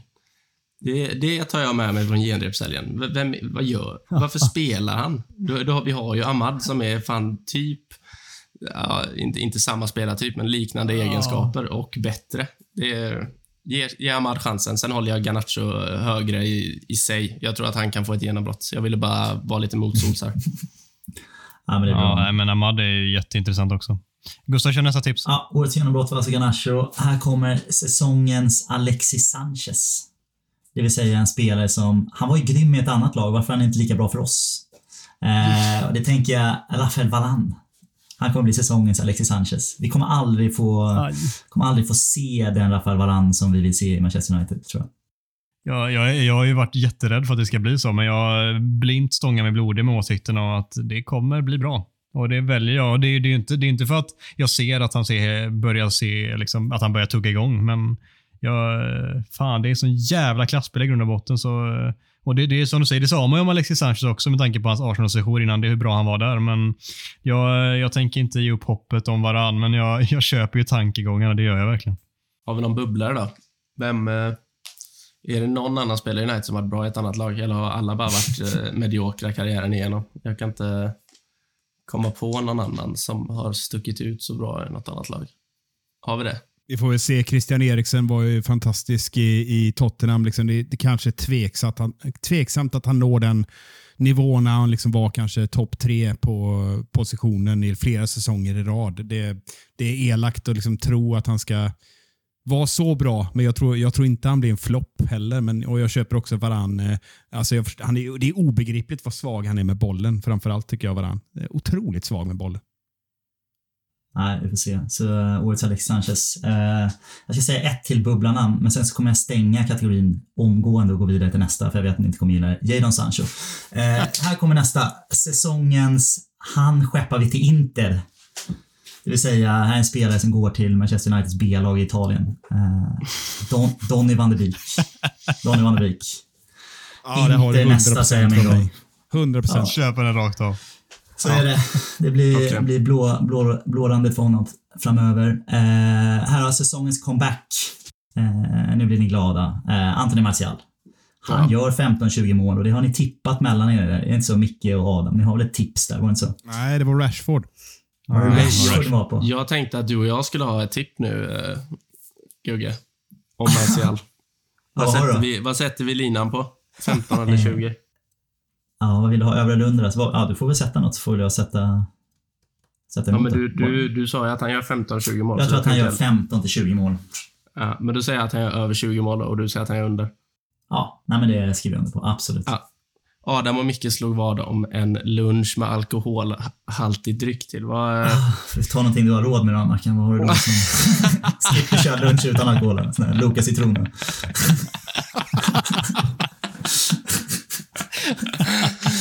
ja, vi kör en buffélunch då. En buffélunch. Kör. Ja. Kul. Med mycket, mycket luncher nästa år, det ser vi fram emot. Eh, så Martial då, säsongens comeback. Jag rullar på, jag har ett par till här, så vi, vi kör på. Eh, den här säsongens Rangnick. Eh, det vill säga en tränare som lever på ett rykte om gamla meriter som är lite svåra att validera. Eh, det är Steve McLaren förstås. Också. Eh, jävla brokigare tränarbana får man fan leta efter du. Två sessioner i Twente, tre sessioner i Derby, varit i både Newcastle och lokalkonkurrenten Middlesbrough och nu andra gången i Manchester United. Vilken jävla backslider han är alltså. Bara hoppar in i sina gamla, gamla relationer igen alltså. Obegripligt tycker jag. Igen. vi har honom. Igen, oförlåtligt att uh, vara elak med David Beckham. Så, så nej, eh, han har mycket att bevisa i min bok. Ja. Gillar du David. Beckham, Micke? Det har, jag, jag har inte riktigt förstått Jag det. missat det. Ja. Jag älskar honom. Jaha. Jaha, ja. Förtydliga det då. Nej, så den tror jag ni alla, alla skriver på. Finns väl inga, inga bubblor där kanske. Så vi kör säsongens Fred istället. Det vill säga truppens hackkyckling som blir en av våra bästa spelare. Eh, där tror jag faktiskt att Scott McTominay kan bli en vattenbärare i år. Att han kan passa ganska fint in i Ten Hags strukturer och att han har grund, eh, ja, grundtalangen, grundegenskaperna för att kunna bli en riktigt, riktigt bra kugge på ett mittfält. Jag tror att han, han har fått mycket skit. Jag tror att han kan få lite renässans i år. Är det inte större chans att Tom Hudson blir det då? Ja, kanske. Scott är bara bra mot Leeds. Nej, men han har hamnat i ett jävla ingenmansland tycker jag. Eh, Jag vill ju så, Ja, jag vill såklart att han ska kliva fram, men jag, jag har svårt att se det eh, hända.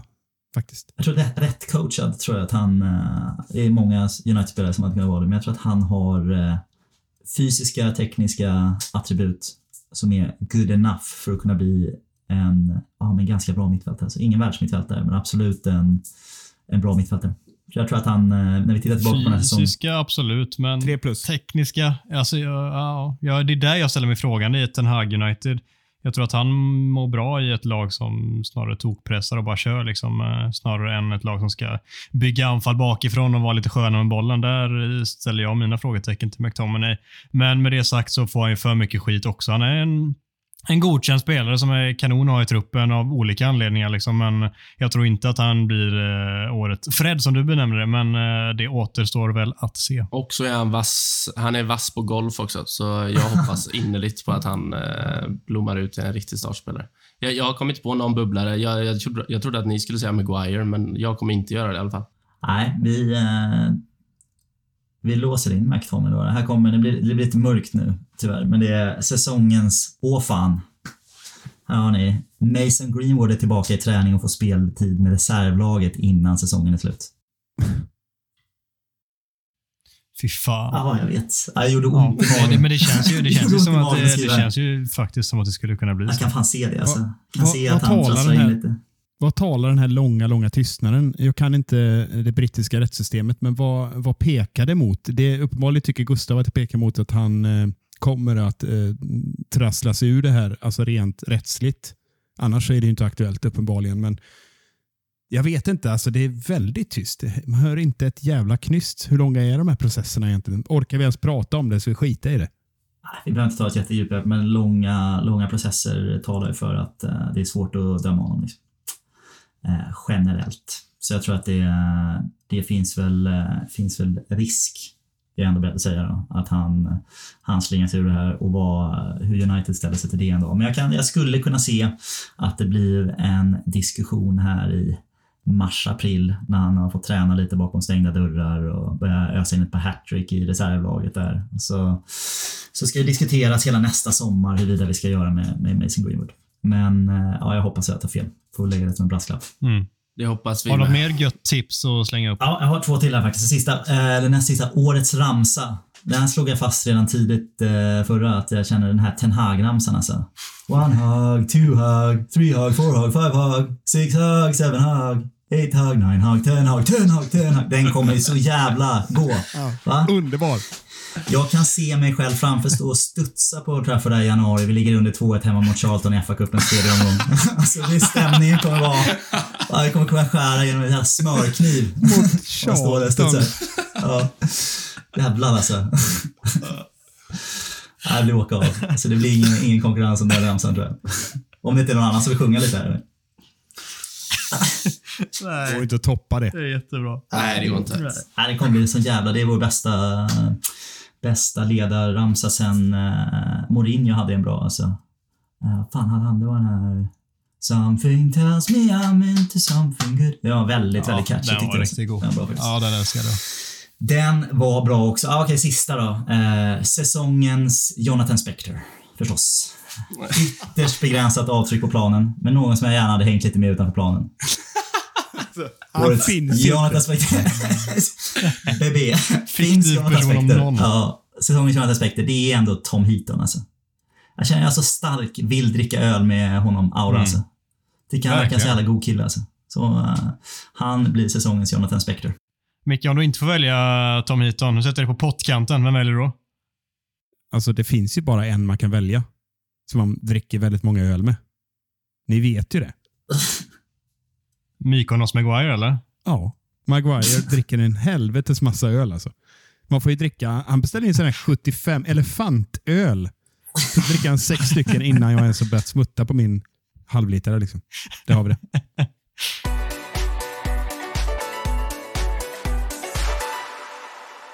Hörni, på söndag sparkar Premier League-säsongen igång på riktigt. United tar då emot Brighton och jag vet inte hur det är med er, men jag kan åtminstone inte bärga mig. Micke, du ska få kicka igång med säsongens första motståndarkoll snart. Men först, berätta varför ingen i hela världen är mer taggad på den nya säsongen än just du. Jag är så jävla taggad, för jag vet att eh, vi kommer ta en gruvlig revansch här från eh, säsongens, eh, ja, Mackan utnämnde till det värsta insatsen eh, förra året, 0-4 mot just Brighton. Och, ja, det är så många, om ni, om ni inte har förstått det under, under avsnittets gång här, så är vi alla taggade. Men jag är nog fan mest taggad på den här säsongen. Det är så otroligt jävla fantastiskt kul det ska bli att se Ten Hags underbara första elva kliva ut på söndag. Och vad ställs de emot då? Ja, men de ställs emot ett eh, uppenbarligen då svårspelat Brighton eh, som, eh, som vi hade eh, historiskt ganska lätt för innan den här jättesmällen. Alltså en, en rejäl övervikt eh, statistikmässigt har vi haft på dem. Sen de kom tillbaka till Premier League. Och det är ju ett svårspelat lag, men vi har lyckats ta oss ur det. Eh, de gillar att hålla i bollen, det vet vi. Eh, de har utvecklats under Graham Potters ledning eh, från att hålla hus nere, nere runt 15-17 placering till att ha ett rejält skutt upp förra säsongen, landa på nionde placering. 10 poäng mer än vad de brukar skramla ihop. Och Man kan säga att de tar väl steg för steg, men till i år så vet jag inte riktigt om det går att ta något ytterligare steg. Jag ser inte det i alla fall. De har ju tappat Bissoma som är, tyckte jag var en av deras absolut bästa spelare. Och visst, eh, på försäsongen så har det sett helt okej okay ut. Trossard som ska väl bära deras offensiv tillsammans med Mopé som trots allt brukar hitta nätet en sju, åtta gånger fast det känns som att han inte gör mål någon gång. Så det är väl egentligen de, de två som är centrala och viktiga för dem. Men eh, vi får väl se också vad som händer längre bak i leden. Det ryktas väl att eh, ja, fantasy-favoriten eh, Kukureya eh, kommer att röra på sig till eh, oljebolaget. Eh, vad det ryktas om nu här. Vi får se om han försvinner så är det lite svårt att ersätta som jag ser det. Men, eh, men utöver det så är det en ramstark defensiv och en, en, väldigt underskattad målvakt som finns där bak. Så det blir en tuff nöt att knäcka, men det spelar ingen roll för United kommer att eh, köra över eh, Brighton. Det är jag ganska säker på. Jag älskar hur du avslutar den delen. Tack Micke. Mackan, vad tror du att vi får se här? Vad, vad ställer han upp med för första elva? Får vi se några nyförvärv från start till exempel? Jag, jag vet fan inte. Jag, jag, jag, sa, jag sa innan att jag trodde att Martinez skulle starta. Men eh, det är nog han i så fall. Jag, jag, har svårt att se, eh, jag har svårt att se Eriksen och Malaysia starta. Jag tror faktiskt att Shaw startar om han är frisk. Det var väl eh, var det sjukdomsproblem på honom förra veckan också, va? Mm. Så jag, om, om det är något nyförvärv som startar så, så är det Martinez. Det tror jag. Det är sjukt att vi eh, efter en sån här säsong, att vi troligtvis kommer gå in med en startelva med samma spelare från förra året. Alltså att vi inte har... Det, det, det enda nya är Martial alltså. Det är helt sjukt. Det är faktiskt sjukt. Jag tror, mm. jag tror faktiskt Eriksen kommer starta. Eh, jag, jag, är säker på det. Jag tycker han har sett jävligt pigg ut och Martinez tror jag inte kommer starta.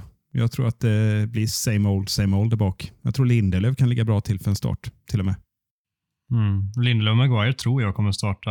Jag vill se Martinez, men jag tror inte att de anser att det är riktigt läge än att slänga den från start med tanke på att han har gjort, vad är det, typ en halvlek i eh, Manchester United-tröjan, lite mer än så. Uh, och Sen uh, är det väl eh, möjligen så att Eriksen kanske startar. Jag vet inte. Tror du att det då är Fred, Eriksen och Bruno på centralt mittfält? Jag tror det. Jag, jag bygger det på min analys att Bruno har fått en liten annan roll. att han testade det systemet 4-1-2-3 som är rätt intressant att se. Lite väl framåtlutat. Men å andra sidan så gillar ju Brighton att ha boll och då känner jag på mig att Ten Hag vill testa att möta dem lite högre upp. Och eh, Får vi då båda de fötterna, eh, Bruno och Eriksen, i spel högre upp i planen och vi lyckas pressa fast Brighton som gillar att ha boll, då tror jag det kan bli en jävligt rolig match. Jag, jag tror också att eh, Brightons tapp av Bissoma är jävligt tungt. Jag tror, mm. jag tror att de kan få en tuff säsong. En jag riktigt tuff säsong. Det luktar, det luktar nedre halvan för Brighton i år. Ja, ja, alltså eh, kanske till och med sträckinblandning beroende på om de får in någon nyförvärv här i slutet. För de har inte gjort det jättevass på transfermarknaden hittills. Eh, du nämnde liksom tidigare vilka de har eh, tappat eller potentiellt kommer, potentiellt kommer tappa. Och, alltså lämnar Kuchereya och även Bismay redan klar. Så det är deras typ två bästa spelare förra säsongen och inte ersatt dem än så länge i alla fall. Det är såklart jättetungt för dem. Så det är en match United såklart ska vinna, även på hemmaplan. Men av flera anledningar än bara det att vi är United och att vi spelar på hemmaplan så ska vi vinna matchen. Och det, det tror jag också att vi kommer göra. Mm. Vad, vad, vad ställs vi för? Vad är det liksom svåraste med att möta Brighton? Är det hjärnspökena efter 0-4 eller är det sättet de spelar på? Eller vad tror vi, Gustav? Eh, nej, jag tror att det här sitter helt hos oss. Alltså. Vi, vi ska ju, om vi, om vi gör en relativt bra prestation så ska vi slå dem med minst, minst två bollar. Det, det är Brighton som vi har här. Jag tycker inte de är de är inte knepiga på det sättet som eh, andra lag som vi har haft lite buggy team tidigare med lite, lite Burnley kan vara jobbiga att möta borta etc. Men jag tycker inte att Brighton riktigt har det i sig faktiskt. Utan jag tycker att de ser bara lite tunna ut. Eh, och ingen sån här fantastisk omställningsspel som vi ibland har blivit straffade av också, vissa lag. Så jag tycker att det, det här eh, ja, det är helt på eget grepp här, hur, hur den här matchen går. Så det är frågan hur mentalt redo truppen är för, för riktiga tävlingsmatcher nu. Eh, så det är ja, upp till oss. Vi ska när som helst tippa här och kläppa ihop för det här avsnittet, men Mackan, den viktigaste frågan för det här avsnittet är egentligen hur många tunnlar gör Jadon Sancho i matchen? Fan, jag trodde du skulle fråga mig om Martial. Jag skulle- trodde du skulle Ehm. fråga om BB finns. Har vi har vi knutit ihop den säcken? Out of context presenteras av Gustav Kulle. Ja. Eh, Sancho, ja, pillar väl dit två, tre tunnlar och så eh, spelar han fram Martial till två mål. Och så har vi en eh, trevlig söndag på det. Fan vad gött att höra. Vad blir matchen då? 3-0. 3-0 till United. Det, det gillar jag att höra. Vad säger Micke? Jag säger 4-0, eh, för jag tror att vi tar en gruvlig revansch här mot förra årets debacle. Och Gustav? Ja, jag säger 3-1. Så himla svårt att se att vi går ifrån en plan utan att släppa in ett mål. Alltså. Det, jag tror det när jag ser det. Men, men vi, vi gör tre. Jag säger 2-1 och vi får en sån här riktig kalldusch i början och man får så här panik och ser alla säsonger bakom oss. Eh, vad fan är det som händer? Detta får inte ske. Och Sen så lyckas vi resa oss på alla fyra och vända matchen. Och Det är såklart Martial som pillar in kvitteringen och Rashford avgör med 2-1 och jag kommer stå och bara vråla på söndag. Rashford brukar vara bra mot eh, Brighton eh, historiskt. Exakt. Vi minns goa soloräden borta mot dem eh, var det två säsonger sedan. Där han ger bort precis alla i straffområdet och skickar upp den i nättaket slash krysset. Det är ju ett jävla supermål. ja. Men var det inte så att vi skulle ha lite uppföljning på våra tips här i år, eller Adam? Var det inte så att vi skulle köra lite tipstävling mellan oss fyra, eller? Jo, vi pratar ju om det och eh, vi kanske, eftersom att vi inte alla fyra kör alla avsnitt normalt sett, utan vi brukar ju vara tre avsnitten, så kommer vi få redovisa det lite själva och så kör vi lite uppföljningar emellanåt och ser hur det går och så såklart ska vi hitta ett riktigt, riktigt, eh, en riktig bajsmacka till pris till den som kommer sist. Och så en riktig, eh, alltså jag vet inte vad vi ska kalla första priset, men det ska ju vara pompa och ståt om något till den som blir nummer ett här och så tänker jag att vi kanske skickar ut en tweet och kollar lite vad folk tycker att vi ska dela ut för bajsmacka till den som blir fyra i podden. Det är ju det absolut sista man vill bli, är att bli fyra i den här tävlingen. Ja, det tycker jag verkligen. Alltså. Ja, Gustav är favorit komma sist, så att, eh, fundera på något eh, riktigt jobbigt för Gustav, tänker jag. Jag satte några magiska tips förra året. Ni som kan snurra tillbaka där. Exakt vilken match so- som skulle bli Solskärs sista satte jag tio, tio omgångar innan att Watford skulle bli den sista. Så det är livsfarligt att tippa mig. Plus att jag har gett facit nu på el- 11 stycken facit här nyligen. Så det, ni vet. Alltså, slänger man ut tusen tips per avsnitt så är det klart att någon träffar rätt och så kan man stå där och bragga om den. Det är en minmatta, minmatta. Exakt. Ja, Micke, du sa sa förut att vi måste avsluta med en jävla energi, så den tänker jag ge dig direkt. Säg någonting gött och så alla blir taggade och peppade och älskar livet inför premiären. Du har förberett en dikt, var det inte det Micke? Kan du börja köra den här dikten som du skulle köra? Ja, det kan ha varit den värsta bajsmackan jag någonsin fått. Nej, jag har faktiskt inte förberett, förberett en dikt. Eh, tror Nu lägger eller ej. Adam på lite bra musik där i bakgrunden. Nu kommer ett riktigt jävla höjda tal här från Micke. Nu kör vi. Ta på uppstuds.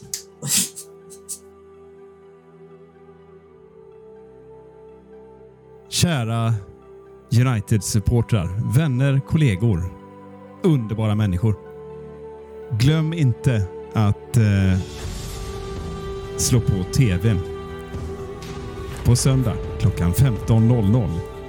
För då kommer ni få se det nya Manchester United explodera och fullständigt gå rakt in i era hjärtan igen och veckan efter, nästa vecka. Shit vilken energi vi kommer att ha. Fattar ni det? Va? Det kommer vara det bästa eh, avsnittet i mannaminne. Det var det jag hade att säga. Och det är inte förberett där. Hördes det eller? Konstigt, Wow. det kändes inte. Wow. Det kändes väldigt förberett. Det kändes lite som sån här, sån här anslagstavlan-meddelande på, på SVT. VMA. Kan du, du som har parkerat bilen ute på... Är det någon Nej, mer det än jag det som har gåshud på sin gåshud just nu? Ja, vad starkt Micke, vad starkt. Ja, vi stannar väl där och så som vanligt tackar vi för visat intresse av samtliga. Om det är någon som hängt med hela vägen hit så är det fan bragdguldet som gäller. Tack till dig och så hoppas vi att ni följer oss på sociala medier. Om ni inte gör det så för guds skull in och gör det. United-podden heter vi överallt så ses vi igen nästa vecka. Ta hand om er.